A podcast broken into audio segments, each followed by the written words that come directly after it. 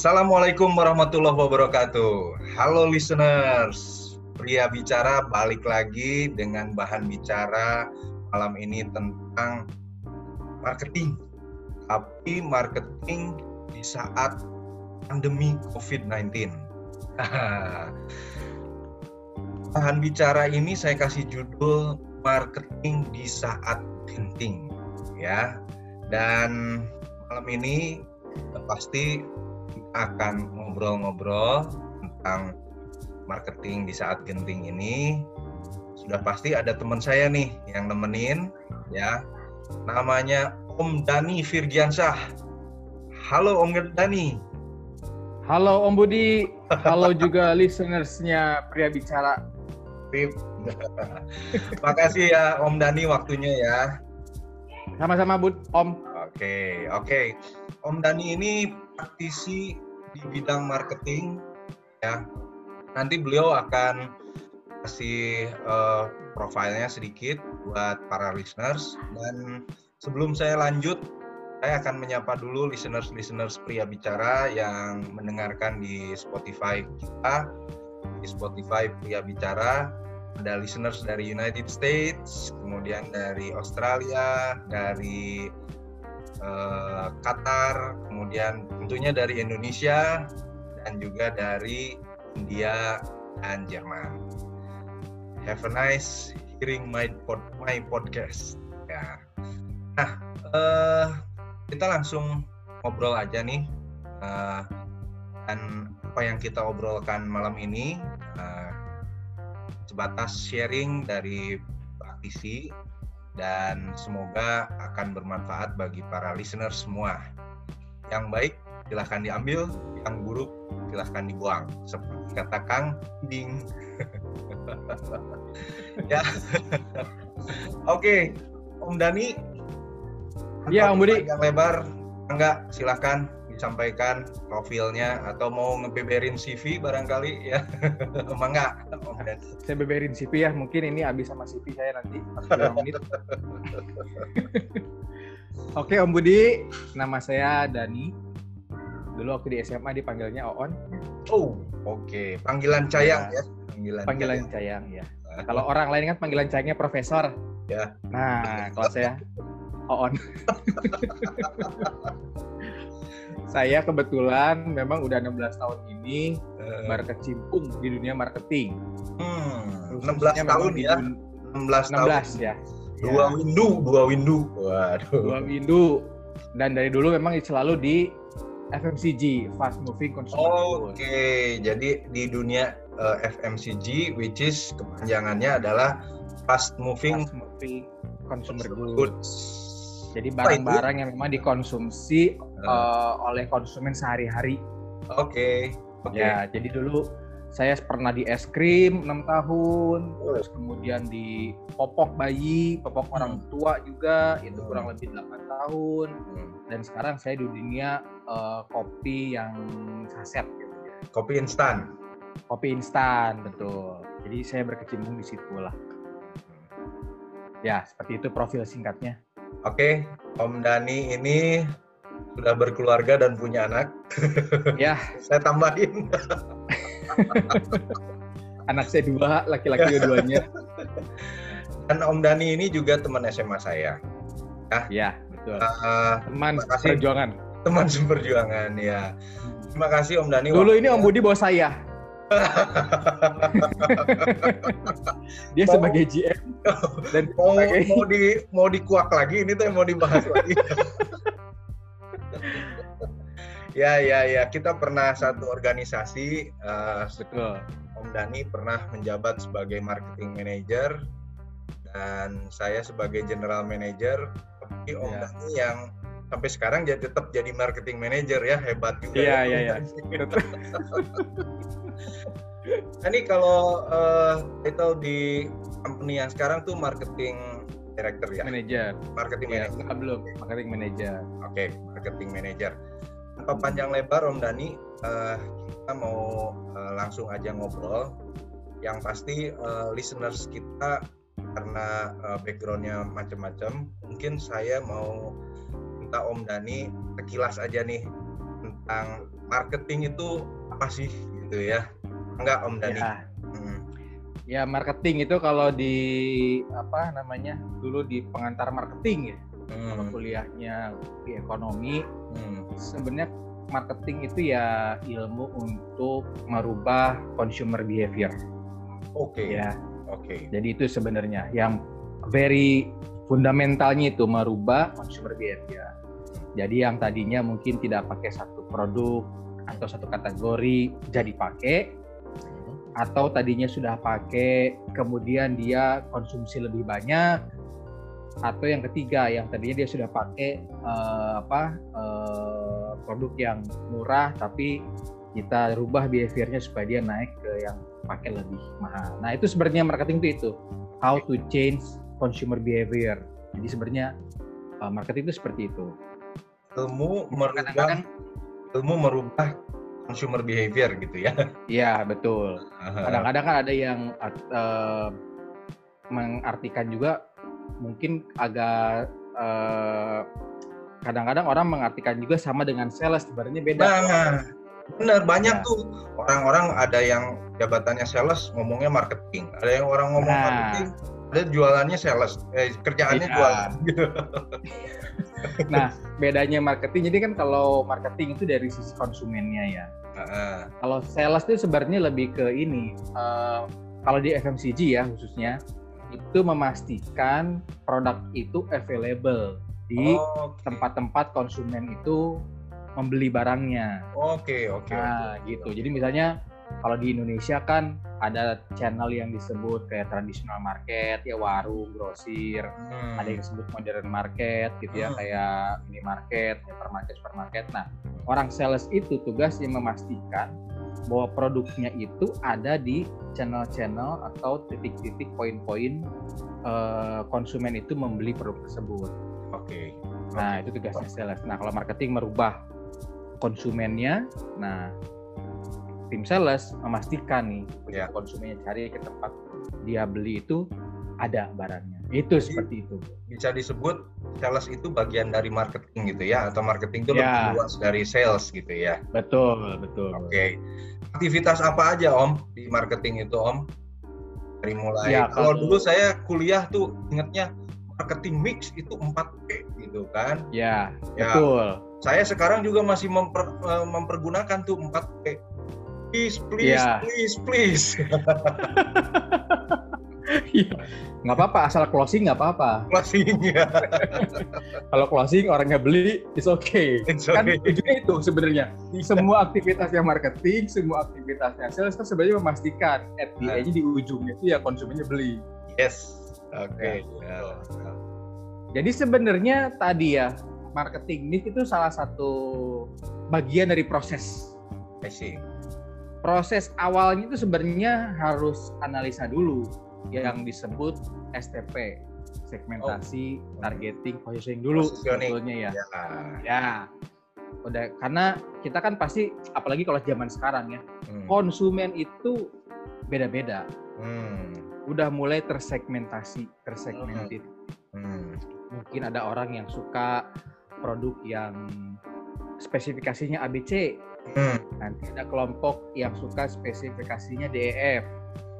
Nah, kita pertama tentuin dulu nih, mau yang mana nih yang mau kita jadikan target. Oke, okay. itu berarti Memang maksudnya uh, segmentation ya, segmentasi ya? Iya, segmentasi. Biasanya untuk menentukannya ada, ada dua nih pendekatannya Om. Yang pertama dilihat sizingnya, marketnya banyak nggak nih. Yang kedua uh, segmen itu bertumbuh atau enggak. Oke. Okay. Jadi kalau misalnya ah segmennya nggak bertumbuh mm-hmm. atau size-nya terlalu kecil, mm-hmm.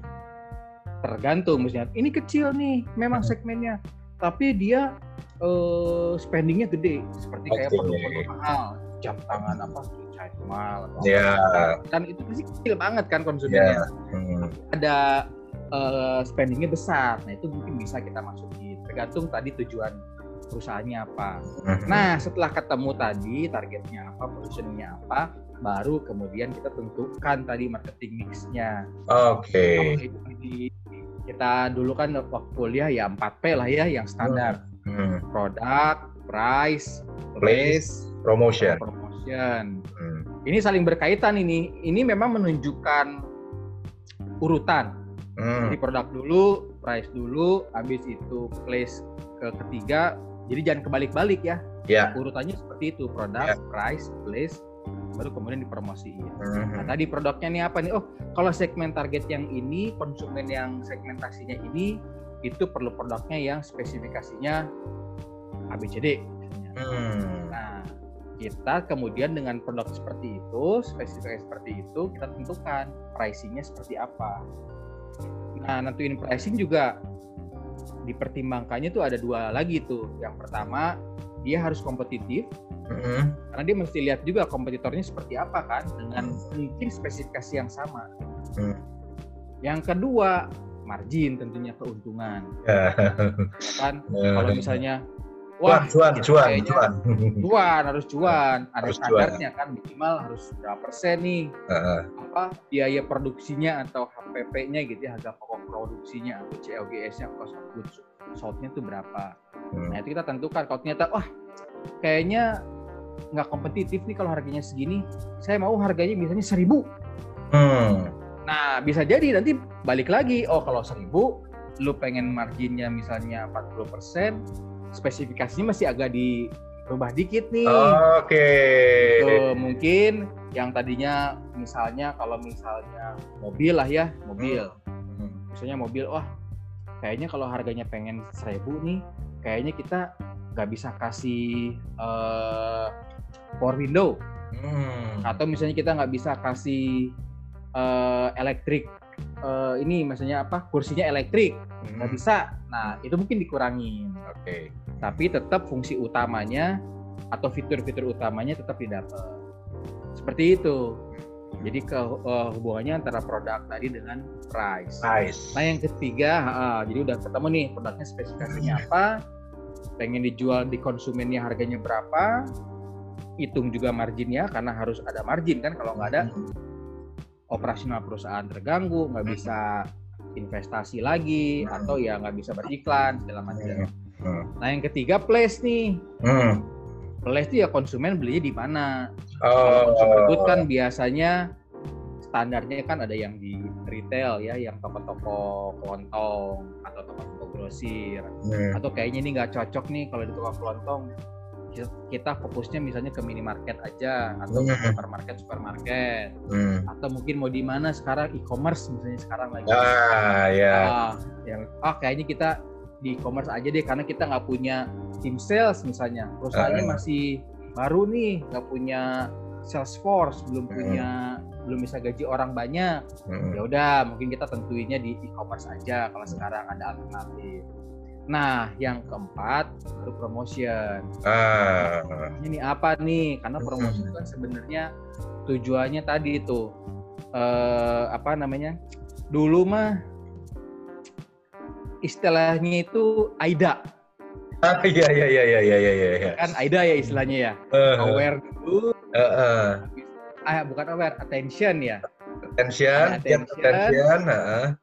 ada interest interest ada desire desire dan baru kemudian dia action kan dia beli oke okay, yeah. nah sekarang ini berubah om katanya om hmm, hmm, hmm. zaman serba digital ini jadi AISAS oh. Oke. Okay. Di AISAS tuh. Nah. Jadi dia oh, ada attention, attention, interest, ada interest, S-nya tuh dia sekarang search. Oke. Okay. Sekarang ya, dia ya, search ya, bud. Iya iya. Makanya ya, ya, tuh ya. very important. Uh, Karena sekarang dia search dulu. Search dulu benar. kan, benar. Uh, uh, search dulu dia. Misalnya dia lihat di internet, ya. lihat di Google. Ya. Dari rekomendasi orang yang pernah pakai gitu kan ya. Nah, baru kemudian dia action. Oke. Okay ya jadi udah Aisyah kan action nih. Oh ya oke deh kalau gitu gua beli. Uh. misalnya dia langsung ke toko atau mungkin uh. bisa beli di e-commerce. Uh. yang kelima itu ada S yang kelima. Dia share. Dia share. Jadi woi bener nih bagus banget nih. Dia bisanya komen di mungkin di uh, community community ya di hmm. kalau di atau mungkin dia share juga di teman-temannya. Iya iya iya iya. Di WhatsApp ya Hmm. Ya kan? Viral Makan aja, viral enak, aja tuh. Viral, wih, gua makan nih di tempat makan baru, enak banget guys, lu mesti cobain nih. Misalnya cumi-cuminya endol. Nah, gitu ya. Ancaman banget. Ah, Ancaman guys, gitu. Tapi kalau nggak enak juga dia share. Dia share. Nggak recommended, tempatnya nggak enak, rasanya not here not there ya. Tadi itu you. Kan? Nah, gitu. itu sebenarnya promotion itu. Jadi lebih ke biar orang tuh aware, Ah, kemudian juga ada uh, interest, Stress. pengen, kemudian dia action untuk mengkonsumsi, untuk beli. Oke. Ujungnya itu sebenarnya tujuannya orang beli produk kita dibandingkan dengan di antara begitu banyak pilihan. Moment of truth-nya di sana. Oke, Moment iya. of truth-nya adalah ketika konsumen itu memutuskan untuk ya, gua beli nih produk ini. So, di antara begitu banyak pilihan produk-produk yang berbagai macam, fiturnya, pricing-nya, segala Hmm, macamnya. hmm, hmm, hmm. Itu buat sebenarnya Oke. empat P. Oke, oke, oke, oke. Menarik nih sekilas tentang marketing yang dibahas sama Om Dani. Yes. Oh. Mungkin eh harapannya sih eh, listeners sudah bayang lah ya eh, marketing dan juga udah bisa membedain marketing sama sales, jadi nggak ketukar-tukar lagi ya. Kemudian juga kilas tentang eh, tadi apa eh, STP ya STP STP. itu proses dalam marketing kita sebut marketing mix dengan 4P-nya dan juga Ya. AIDA dan AISAS ya. Iya. Aida zaman dulu, zaman sekarang Aisas. Oke. Nah, Om eh, agak sedikit sih. Tadi kita udah eh, ngobrolnya ceria ya, tapi sekarang mungkin kita agak eh, prihatin ya, prihatin. Iya, bener Om. Sesuai dengan kaos yang dipakai sama Om Dani, seperti kita tahu kita semua sedang melawan si COVID-19 ini. Yes. sedikit banyak COVID-19 ini atau yang kita sebut pandemi COVID-19 ini mempengaruhi semua bidang kehidupan. Tidak, Betul. terke- tidak terkecuali si marketing ini. Nah, Belum. kira-kira Om Dani dampak dari si pandemi COVID-19 ini terhadap aktivitas yang tadi Om Dani jelasin, itu gimana tuh dampaknya tuh ya? Ya. Ya, Sejauh mana disruption atau disruption yang atau merusak aktivitas marketing atau bahkan improve bahkan gitu ya bisa jadi bisa jadi improve ah, bisa jadi di- disruption Eh, menurut Om Dani gimana dampaknya sejauh apa terhadap aktivitas marketing yang banyak dilakukan oleh perusahaan-perusahaan enggak Om Dani Ya. Jadi betul sekali Om ya tadi pandemi COVID ini benar-benar eh, sangat berpengaruh ya Hmm. terhadap dunia marketing khususnya di FMCG. Oke Tapi ini kita juga nanti mesti lihatnya itu secara case kan, case by case. Hmm. Karena memang ada yang terim apa eh, terimbas sangat parah, Hmm. tapi juga selalu ada sisi positifnya. nah ya Jadi memang kita tuh harus kreatif lah ya. oke Karena di balik tadi yang susah itu pasti ada uh, opportunity yang lain gitu ya. di balik setiap problem ada Iya. opportunity ya Ada opportunity. oke benar. oke Jadi yang pertama impact-nya tadi kayak kita ngomonginnya konsumen ya Bu ya. yes Nah di masa pandemi ini itu consumer behavior itu berubah drastis. hmm. Hmm. Hmm. Biasanya kan kalau perubahan consumer behavior itu nggak drastis kan. Ya. Biasanya tuh dia tuh gradually atau mungkin Ya. lambat laun gitu kan ya. Nah, Nah, dengan pandemi ini itu tuh suddenly changing. Konsumen itu dipaksa berubah. Tadinya bisa dia ya. mungkin Hmm, hmm, eh, apa namanya kurang memikirkan kebersihan, sekarang jadi memikirkan kebersihan. Ya. Tangan, hmm. masker, gitu ya. Hmm. Ke mana-mana pakai hand sanitizer. Hmm. Habis dari luar rumah langsung ganti baju, langsung mandi, Hmm. seperti itu kan. Hmm. Itu perubahan yang pertama. Yang kedua, yang tadinya biasa misalnya pergi keluar, weekend Hmm. dia harusnya mungkin makan di luar atau Ya. mengunjungi tempat-tempat wisata itu Hmm. suddenly drop. Nah, terus kemudian juga adanya PSBB atau Ya. eh, pembatasan kan ya. Ya. Toko-toko dibatasin tutup apa bukanya jam Hmm. operasionalnya atau Hmm. mungkin ada yang dipaksa untuk tutup gitu kan. Nah itu otomatis mempengaruhi konsumsi. Oke. Gitu. Ya. Jadi memang beberapa kategori tapi naik konsumsinya ya, seperti kayak disinfektan Hmm. atau hand sanitizer atau mungkin sabun cuci tangan itu satu sisi naik. Kota, kuota, Tapi kota. apa? Kuota Kuota. internet, bener ya sekarang kuota internet sampai mau di apa namanya mau disubsidi ya buat Iya. sekolah online kuota internet naik. Tapi di satu sisi juga ada yang terinfek, terutama barang-barang yang memang dikonsumsi di luar rumah, out of home. Oke. ya kan seperti misalnya kayak dulu misalnya kita sering ngopi ngopi di luar gitu ya Nah, ya. itu otomatis dia berkurang konsumsinya Hmm. bioskop otomatis berkurang nah barang-barang yang dijual di bioskop ya misalnya minuman dalam kemasan atau Hmm. juga ya makanan-makanan snack-snack itu yang dikonsumsi di luar rumah itu turun Hmm. tapi ada sisi positifnya Hmm. sisi saja karena orang nggak bisa ke mana-mana konsumsi di rumah jadi tinggi Ya. tadinya misalnya kalau ibu-ibu dulu nggak pernah masak sekarang jadi sering masak Ya. Kan? Terus tadinya dia mungkin dia di- diposting di IG gitu ya. diposting di IG gitu kan banyak menu sekarang ada Korean apa garlic bread gitu kan ya ada kopi dalgona gitu ya benar benar benar. itu itu menambah konsumsi kan tadinya dia nggak pernah bikin kopi dalgona di rumah jadi bikin kopi dalgona nah Ya. ada kategori-kategori yang menikmati Ya. sebenarnya karena tadi konsum minyak goreng itu Ya, tinggi, benar. Bu. Benar, benar. minyak goreng karena apa karena ya orang banyak masak di rumah ibu Hmm. di rumah Hmm. nah kategori-kategori itu ada yang jadi ada yang meningkat dan ada juga yang menurun nah terus gimana nih implikasinya buat marketer Hmm. yang pertama sih yang pasti keadaan itu harus kita tuh harus eh, dipaksa untuk slowing down tapi sedikit Oh, sebentar. Oke. karena apa nih? Ada tiga kuncinya oh. Ah. yang pertama itu kita harus rethinking. Rethinking ya. ya rethinking. Oke. karena kan kita udah bikin plan kan? Ah. kita bakal melakukan ini ini ini ini ini ini. Itu otomatis tidak bisa dijalankan semua. Ya. pastinya kan? Kita harus berpikir ulang nih. Kayaknya kita nggak bisa nih melakukan. Jangankan gitu ya eh kayak aktivitas below the line aja ya activation Hmm. misalnya yang sifatnya sampling ke Hmm. konsumen Hmm. ketemu konsumen di pasar atau Hmm. mungkin di supermarket ada Hmm. "Ini cobain itu nggak bisa dilakukan Ya, ya betul. kan nah kita mesti rethinking jadi kita harus apa nih tadinya kita mau support produk yang ini Hmm. dengan activity yang sudah ditentukan misalnya ada uh, below the line activity yang on ground gitu yang offline Hmm.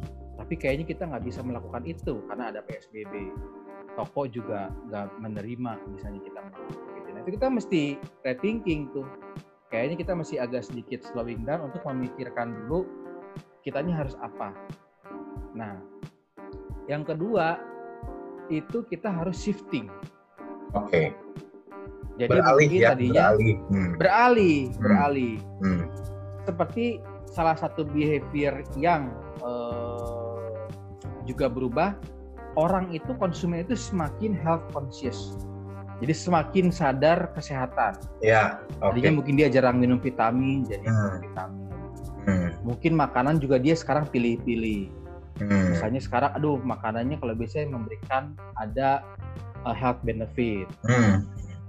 contohnya tadi kita setelah rethinking nih kayaknya kita nggak bisa nih misalnya untuk eh, mendorong atau mengkomunikasikan produk yang A nih tapi mungkin ada chance juga ada produk yang sebenarnya nggak kita eh, apa namanya nggak kita rencanakan untuk Mhm. kita support marketing misalnya malah jadi kayaknya produk ini cocok nih kan Hmm. jadi misalnya ada kopi yang mengandung jahe merah asli Oke. Nah, kita tuh bisa kayaknya produk ini relevan nih dengan situasi Iya. sekarang. Eh, Padahal tadinya dia nggak ada support marketingnya nih, dialihkan, shifting kita. Oh, shifting. Hmm. Jadi mungkin tadinya produk A kita nggak kita drop, kita Hmm. nggak usah support, hmm. kita alihkan aja ke produk yang ini hmm. yang kira-kiranya relevan buat konsumen hmm. sehingga akhirnya bisa uh, laku terjual oleh hmm. konsumen seperti si, itu.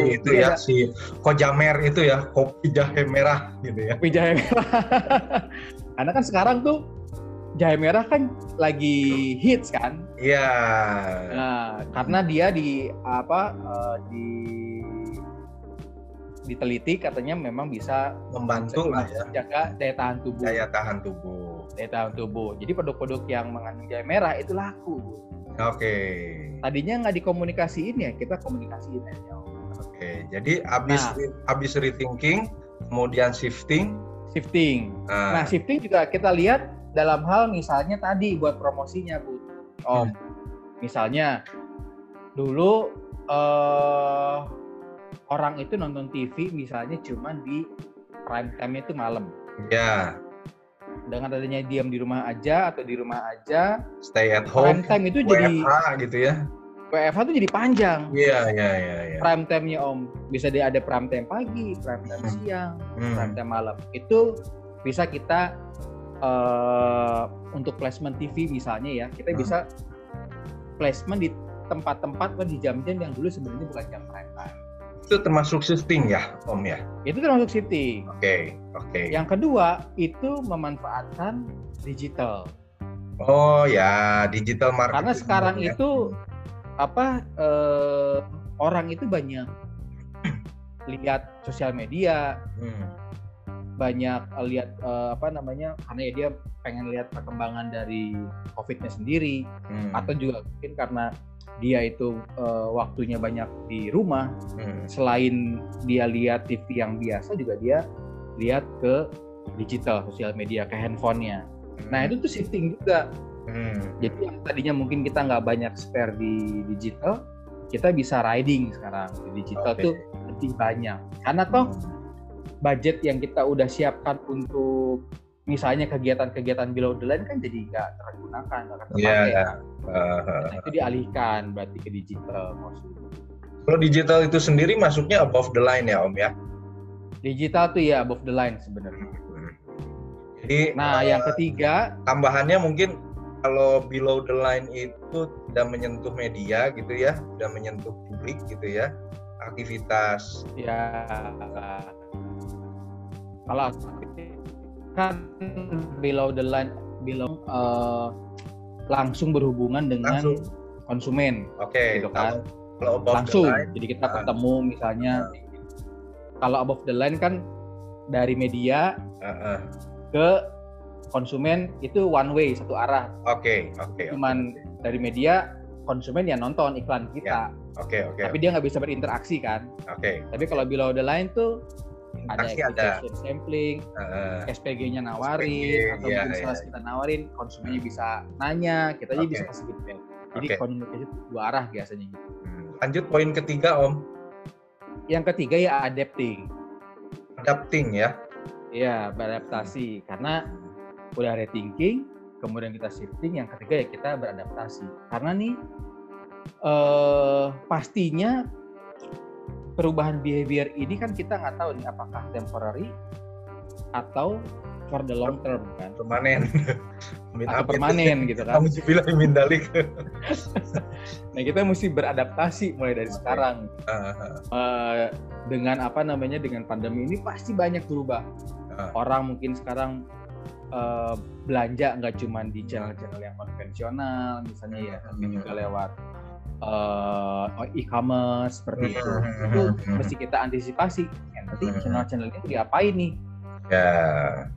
Seperti itu. Ya menarik sekali ini. Berarti dengan dampak uh, pandemi yang begitu hebat sampai bisa mengubah itu uh, masih ada tiga hal tadi yang bisa disampaikan kita lakukan ya.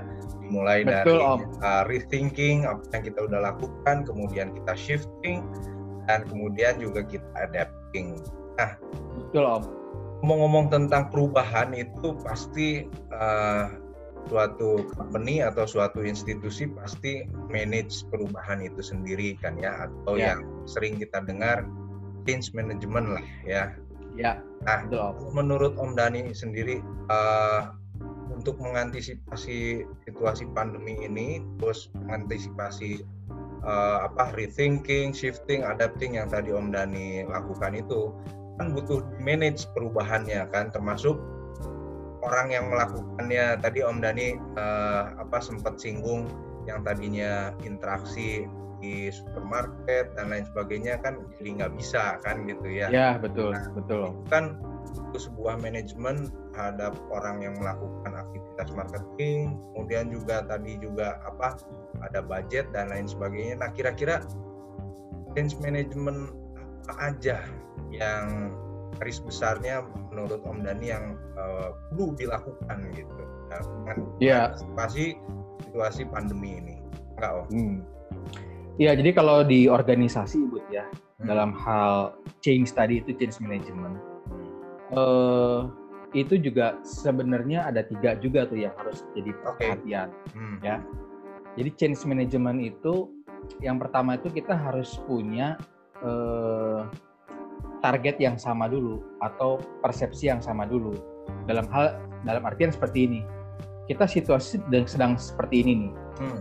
kita harus berubah itu semua orang itu harus punya persepsi yang sama atau pemahaman yang sama, okay. target yang sama. Okay. Itu dulu yang pertama. Hmm. Kita berubah nih ya.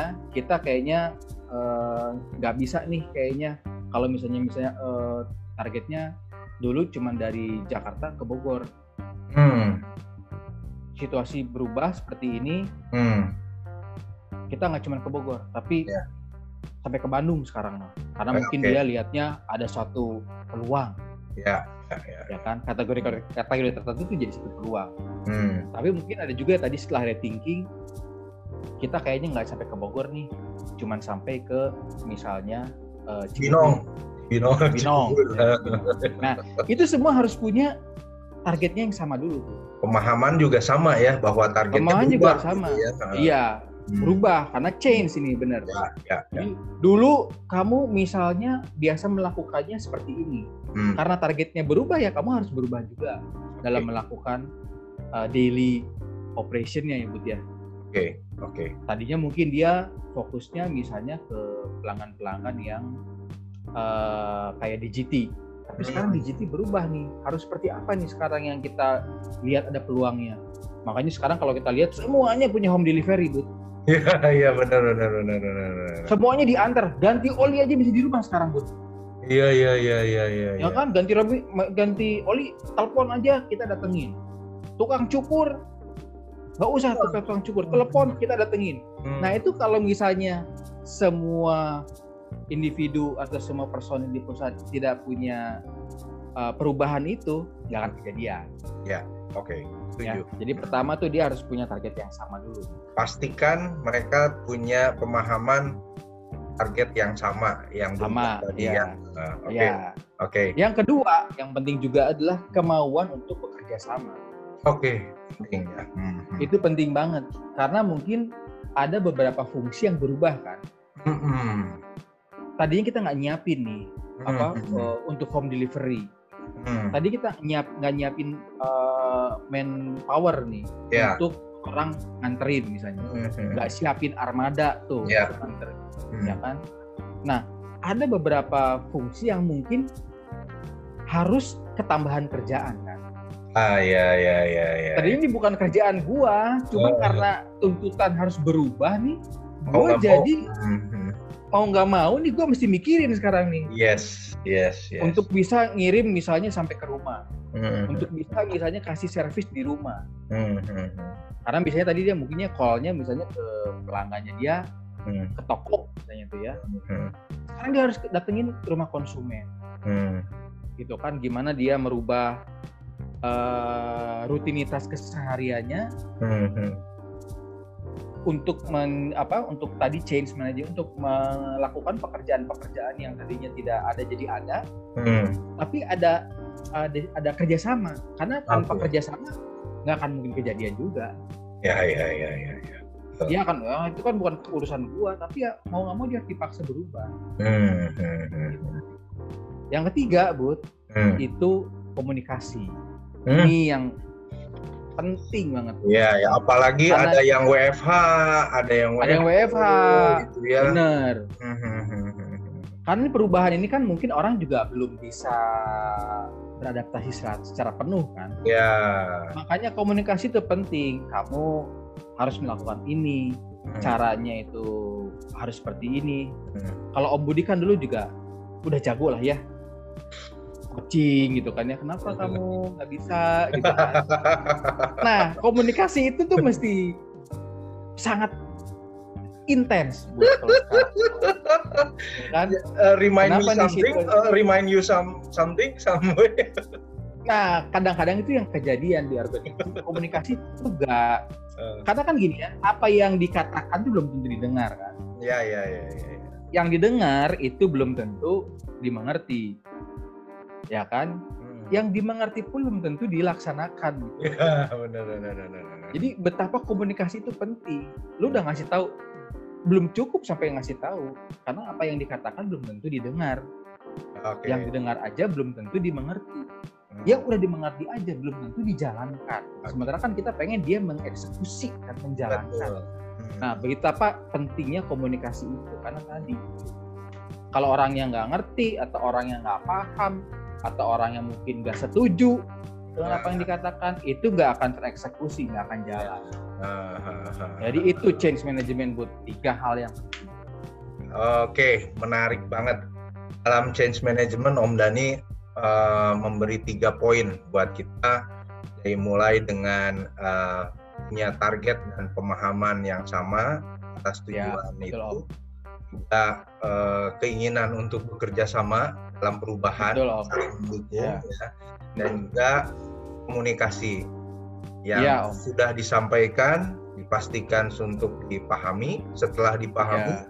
dipastikan untuk dilaks uh, dipahami dimengerti dilaksanakan ya ya oh. jadi tiga hal itu uh, yang penting untuk diberi uh, atensi lebih dalam melakukan change management kait sama yang perubahan di saat pandemi ini. Nah Om, ya. ini udah kuartal ketiga nih kita ya, kuartal ya. ketiga di 2020 ini Om. Bentar ya. lagi nggak kerasa kuartal keempat, beberapa perusahaan udah mulai menyusun target untuk tahun depan gitu ya Om ya. ya nah, eh, atas beberapa poin yang tadi kita bicarakan itu, mana prediksi Dani sendiri di tahun depan uh, terutama ya kita sebut terhadap new normalnya marketing lah ya. New normalnya marketing, marketing ya. lah gitu. Di di 2021 ini bakal apa yang bakal menjadi tambah banyak atau banyak yang eh, apa yang harus uh, semakin sering dieksekusi atau malah harus rethinking lagi? Kan kita juga nggak tahu ya gitu ya. Harus capek pisan gitu ya. Benar benar om. Nah kira-kira prediksi om Dani sendiri uh, terhadap uh, new normalnya marketing di 2021 ini gimana om? Nah, kalau ini memang kan kalau ngomongin prediksi tahun depan ini kita ngomonginnya makro berarti ya. Ya. Makro. Memang kalau saat ini kan kita lihat situasinya itu uh, konsumsi masyarakat itu kan turun kan ya turun nah itu karena kan daya belinya turun hmm. sebenarnya sih se uh, kalau dari sisi kita ya sebagai uh, yang praktisi di bidang marketing ya tentunya mudah-mudahan kalau benar tahun ini vaksinnya ketemu ya amin mudah-mudahan sih akan ada maksudnya orang akan kembali new normal lah ya Hmm. Tapi uh, pastinya karena saat ini udah uh, apa namanya behaviornya itu dia udah berubah. Yeah. Dan cukup lama kan dari mulai bulan Maret itu kita behavior udah berubah. Berubah. Itu mungkin akan berimbas ke tahun yang akan datang nih 2021. Okay. Hmm. Dari sisi kita itu sebenarnya se dari segala macam apa pun uh, kejadian ya pandemi seperti ini tuh pasti akan ada opportunity. Hmm. Nah, yang kita harus pikirkan sekarang adalah bagaimana caranya kita bisa membuat inovasi-inovasi yang relevan Oke. untuk konsumen kita nanti di tahun 2021. Hmm. Nah, itu kuncinya. Karena kalau misalnya kita ya bisnis as usual aja ya. udah pasti Oke. udah pasti kita nggak akan bisa Hmm. mendapatkan momentumnya. Hmm. Tapi dengan adanya behavior-behavior yang berubah, kita lihat ada opportunity-opportunity yang baru. Hmm. Yang mesti kita lakukan segera adalah membuat inovasi-inovasi. Oke. Setuju. Gitu. Kalau Hmm. kalau urusan makro ya Serahin aja pemerintah kan ya. saat ini juga Ah. udah banyak melakukan usaha kayak Ya. bantuan langsung tunai untuk menambah daya beli ya. Daya beli. Sebenarnya ya. Hmm. daya beli itu selama ada insentif dari uh, pemerintah kita sih yakin kalau misalnya Hmm. konsumen tetap akan konsumsi. Hmm, hmm, hmm. Iya iya iya. Gitu, Om. Jadi tetap eh, inovasi mah eh, menjadi kunci ya untuk Iya. kita eh, di masa yang akan datang ini mengatasi eh, perubahan situasi. Apalagi tadi Om Dani nyebutin kita berubahnya dipaksa gitu ya. Dipaksa berubah Om. Kalau terus kita ngomongin ini juga pakai asumsi nih vaksinnya akhir tahun ini Iya. ditemukan eh apa di bisa dipakai gitu ya dan juga kita antri mungkin produksinya juga nggak bisa langsung Iya. ya kan dan itu mungkin akan uh, sedikit banyak terbantu dengan kita tetap melakukan inovasi tadi gitu ya Benar Om. oke Karena selama inovasi itu relevan buat konsumen, Hmm. pasti akan apa produk itu pasti akan dibeli oleh konsumen. ya ya ya ya ya ya ya oke om nah om eh, dari semua yang kita lakukan dari semua yang kita alami di masa pandemi ini terus tadi om Dani udah menyampaikan apa yang sudah dilakukan apa yang harus di eh, apa di di- ditingkatkan gitu ya tapi om dari yang kita lakukan selama masa pandemi ini Om Dani ada narik insight apa nih terhadap aktivitas marketingnya itu sendiri? Oh, kalau Om Dani tadi bilang, oh, eh, changing behavior, ya kan? Ya. Berarti Hmm. mungkin insight-nya adalah people ya changing kan gitu dan kita harus Iya. antisipasi dari perubahan itu gitu ya. Betul, betul Om. Kira-kira Om insight apa lagi sih misalkan dari dari medianya yang berubah itu oh berarti ada perubahan apa gitu. Kira-kira Mm-mm. insight yang supaya uh, teman-teman atau listeners juga bisa bisa narik hal yang sama gitu ya Om ya. Mm, mm, mm. Kira-kira apa Om? Enggak, enggak. Ya, jadi kalau kita lihat kalau secara dari sisi konsumen ya, Hmm. behavior-behavior yang berubah itu di antaranya uh, dalam hal penggunaan media. Penggunaan media itu berubah om. Oke. Jadi Nah, uh, apa namanya digital ini menjadi semakin penting peranannya. hmm. Dan modelnya itu sekarang udah yang bukan sekedar display ads ya modelnya modelnya seperti Om Budi ini ya Om itu sekarang tuh kita bisa tuh misalnya lagi ngobrol gini tuh ya ternyata masuk dalam bentuk kayak misalnya gini Om Budi aduh ngobrolnya udah lama nih ya Uh. Kita gimana kalau ngopi dulu nih Om? Iya. Oh.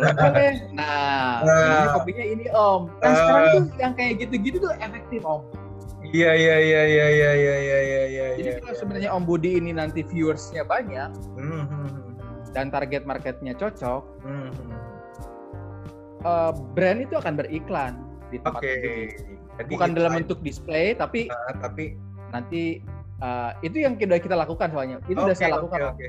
Nggak kerasa gitu Ada. ya sama si sama si viewersnya nggak kerasa ke, nggak kerasa nggak kerasa Nggak bener kerasa Om. diiklanin gitu ya. bener Tapi yang punya podcast mah kerasa, yang punya podcast mah kerasa mungkin ya diiklanin. yang iya lumayan digaplok sama berapa sekali spot gitu loh Iya. kita lakukan itu sekarang justru kita uh, shiftingnya ke sana om I see. Oke. Oke. jadi kayak podcastnya kayak kalau om tahu ya Hmm. kayak podcast podcast kayak Deddy Corbuzier podcast Mas gitu ya. ya atau ya kayak gitu gitulah Ya. atau yang Hmm. gamers gamers Ah, atau review-review makanan, ah, podcast kayak Om Budi. Ah. Tengah-tengah ini tiba-tiba seolah-olah lagi natural aja Om. kayaknya ini udah mulai ngantuk om jam segini om gue boleh ngopi dulu nggak om boleh nah disebutin brandnya disebutin Iya, iya, iya, iya, iya. feature-nya nah seperti itu shifting shiftingnya terus Ya, kemudian yang kedua eh, apa namanya memanfaatkan juga berita sekarang itu ya Oh, gimana tuh? Gimana tuh? berita jadi kan Hmm. kita tuh banyak baca ini bu om Hmm. eh, kayak portal-portal berita Ya. misalnya kayak eh, detik, Detik atau apa gitu kan ya Kompas.com. aha. Iya, itu bisa tuh misalnya artikelnya tuh memang seolah-olah bukan sedang jualan, bukan advertorial. Misalnya jahe merah bisa menjaga stamina tubuh. Hmm, hmm. Begitu beritanya di scroll, tiba-tiba ada display misalnya Kojamer, kopi kopi A, jahe kopi, merah. kopi, ja- kopi jamer Eh. mengandung jahe merah asli. Oh, Beli sekarang, iya. langsung klik langsung ke e-commerce. Ais, ya, ya, ya, Nah, ya, ya, ya, itu ya. tuh sekarang tuh relevan seperti itu Relevan. karena orang-orang tuh pasti aduh ini berita tentang covid nih apa gitu kan Ah. yang gimana caranya supaya daya tahan tubuhnya ter- eh, terjaga atau Ah. gimana caranya supaya sehat makanan apa yang harus dikonsumsi nah itu ada chance di situ Oke, oke. atau yang ketiga juga yang eh, kayak di Instagram Hmm.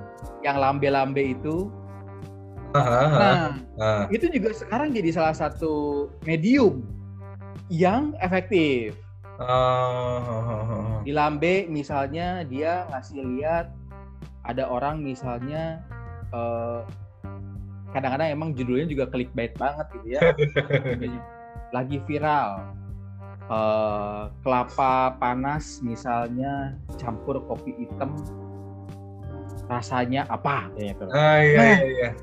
Itu tuh viewers viewers eh, orang-orang yang sekarang ini karena banyak di rumah aja Ah, otomatis screen time-nya di digital itu banyak.